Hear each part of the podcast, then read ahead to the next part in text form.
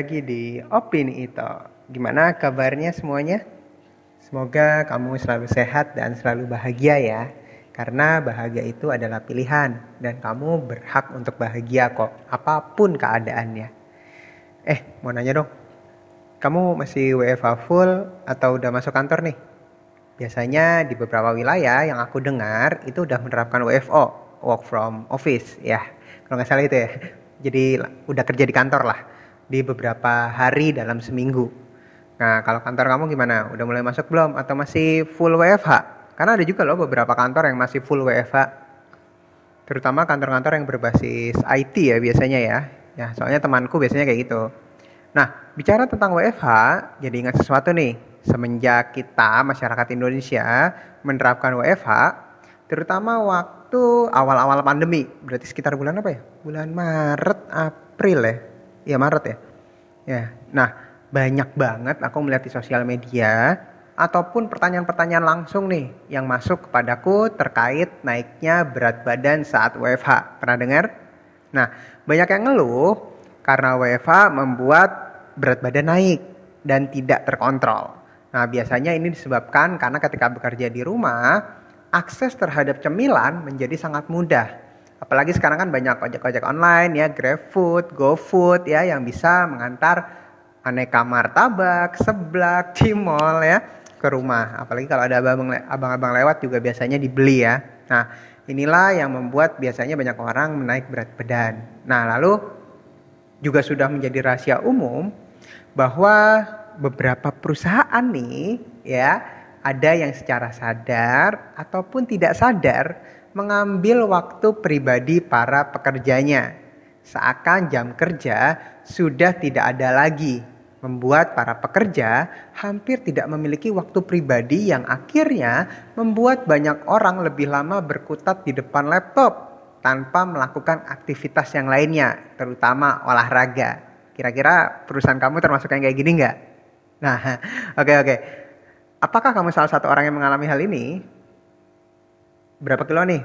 Kamu udah naik berapa kilo? Atau kamu sedang diet tapi merasa bahwa diet kamu gagal selama WFH? Sini-sini aku bilangin ya. WFH ataupun tidak, jangan pernah menyalahkan keadaan ketika kamu gagal diet. Jika niat kamu sudah kuat, nggak ada kata gagal. Kamu harus bangkit lagi, kamu harus lakukan lagi dietnya. Ya, kamu kalau memiliki niat yang kuat untuk memiliki berat badan ideal, maka apa pun keadaannya harus kamu lalui. Nah, buat kamu yang sudah memiliki niat kuat nih dan mungkin ketika kemarin sedikit melenceng-melenceng ya, yuk aku bantu cari solusinya biar diet kamu bisa kembali ke jalan yang lurus ya. Nah, berikut tiga tips diet saat WFA ala Coach Dito. Nah, yang pertama, buatlah jadwal makan harian. Seperti yang sudah kita bahas, banyak orang yang akhirnya walaupun berada di rumah, tapi seakan tidak bisa lepas dari depan laptop. Nah, oleh karena itu, kamu harus membuat jadwal makan dan disiplin melakukannya. Ketika jam makan sudah masuk, kamu harus berhenti sejenak 15 sampai 30 menit untuk makan dan beristirahat.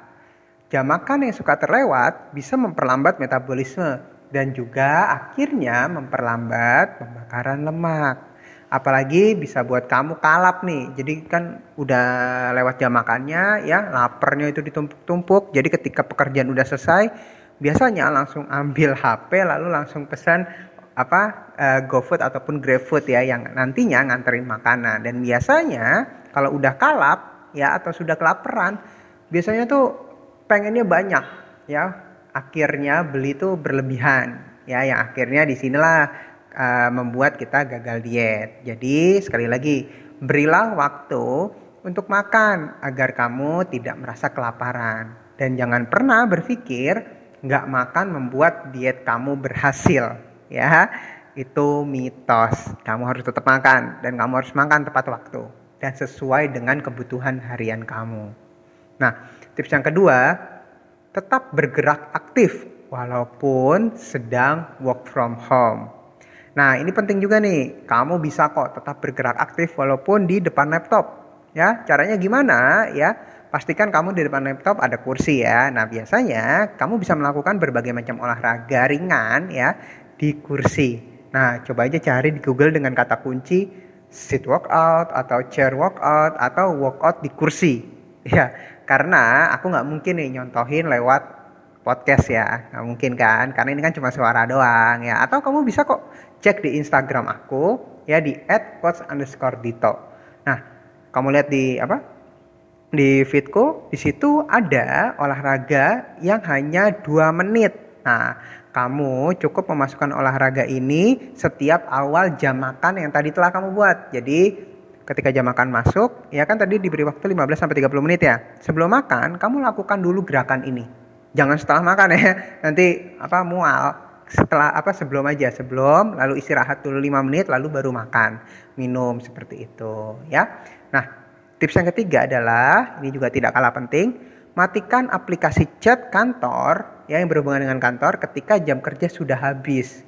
Jadi banyak yang tadi sudah aku bilang. Jadi gini, jam kerja udah habis. Tapi kadang masih ada ada request-request pekerjaan melalui chat-chat kantor. Biasanya gitu, ya. Nah, matikan misalnya uh, Anda punya WA biasanya atau Telegram ya aplikasi yang berhubungan dengan itu matikan dulu sementara teman-teman semua. Kenapa? Jadi sebenarnya Tahu nggak kalau ternyata diet itu tidak hanya ditentukan oleh makanan dan olahraga aja. Tingkat stres juga mempengaruhi teman-teman semua. Jadi ada baiknya nih kamu mulai disiplin dalam membagi waktu untuk kantor, untuk diri kamu, dan untuk orang-orang yang kamu sayang. Jadi jangan kantor terus ya.